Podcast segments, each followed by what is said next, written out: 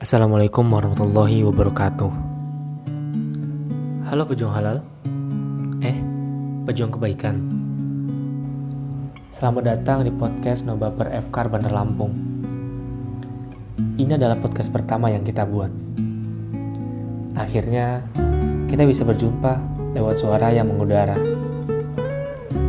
Ini bukan podcast serius, tapi juga bukan mainan. Ya tujuannya nggak jauh-jauh untuk jadi teman cerita dan pengisi hari teman-teman, baik yang lagi di perjalanan ataupun yang lagi galau. Apa kabar semua? Gimana nih akhir pekannya? Udah hampir lima bulan ya berlalu? Mau ketemuan susah, mau jalan-jalan juga takut. Ujungnya kita ada di rumah aja selama masa saling menjaga ini. Entah di rumah sambil ngerjain tugas sekolah, belajar, atau juga jualan. Walaupun rindu udah jerit-jerit nih, mau ketemu. Sabar ya, kita saling lempar doa, biar semuanya tetap baik-baik aja. Oh iya, semangat untuk yang lagi berjuang.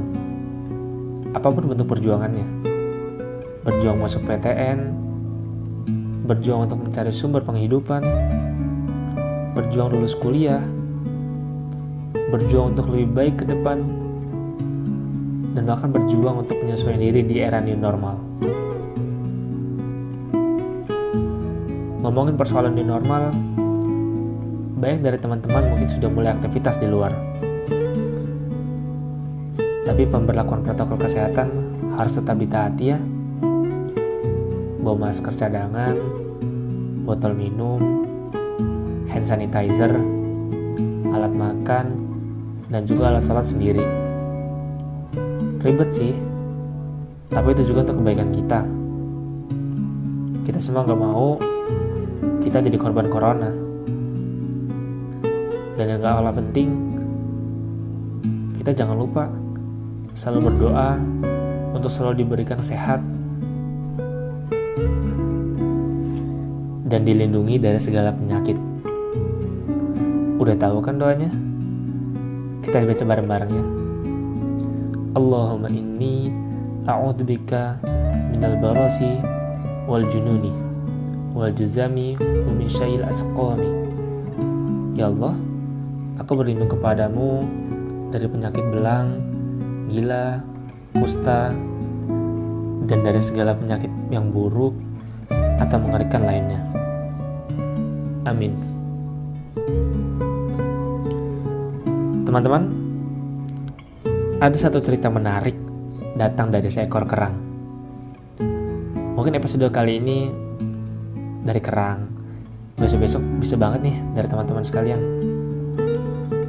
Ceritanya, suatu hari sebutir pasir yang tajam memasuki tubuh anak kerang yang merah dan lembek. Anak kerang yang berasal dari dasar laut dia mengadu pada ibunya. Anakku, kata sang ibu sambil bercucuran air mata. Tuhan tidak memberikan bangsa kerang sebuah tangan pun sehingga ibu tidak bisa menolongmu. Sakit sekali, itu aku tahu anakku. Tetapi terimalah, itu sebagai takdir. Kuatkan hatimu, tutur ibunya.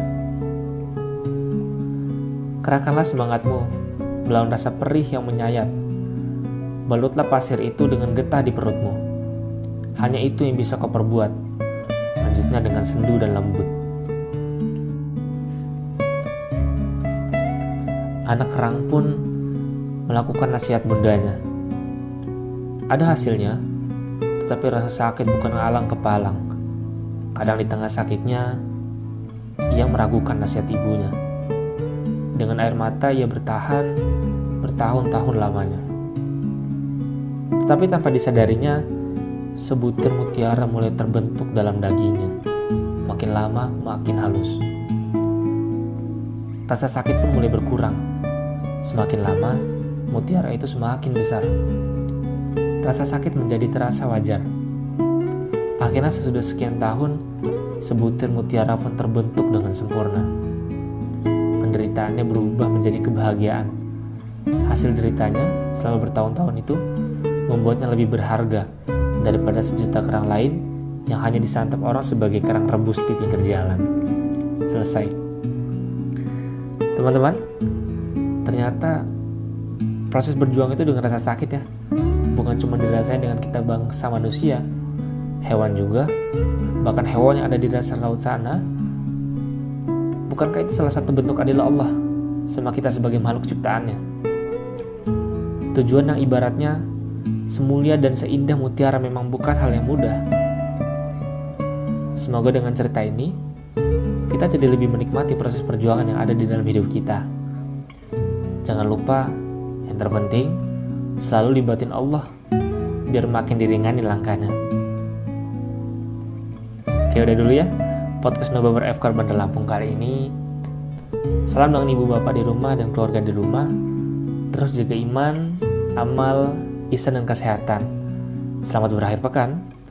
Terima kasih sudah mau mendengarkan. Dari saya Adi Saputra, undur diri dan sampai jumpa di lain hari. Wassalamualaikum warahmatullahi wabarakatuh.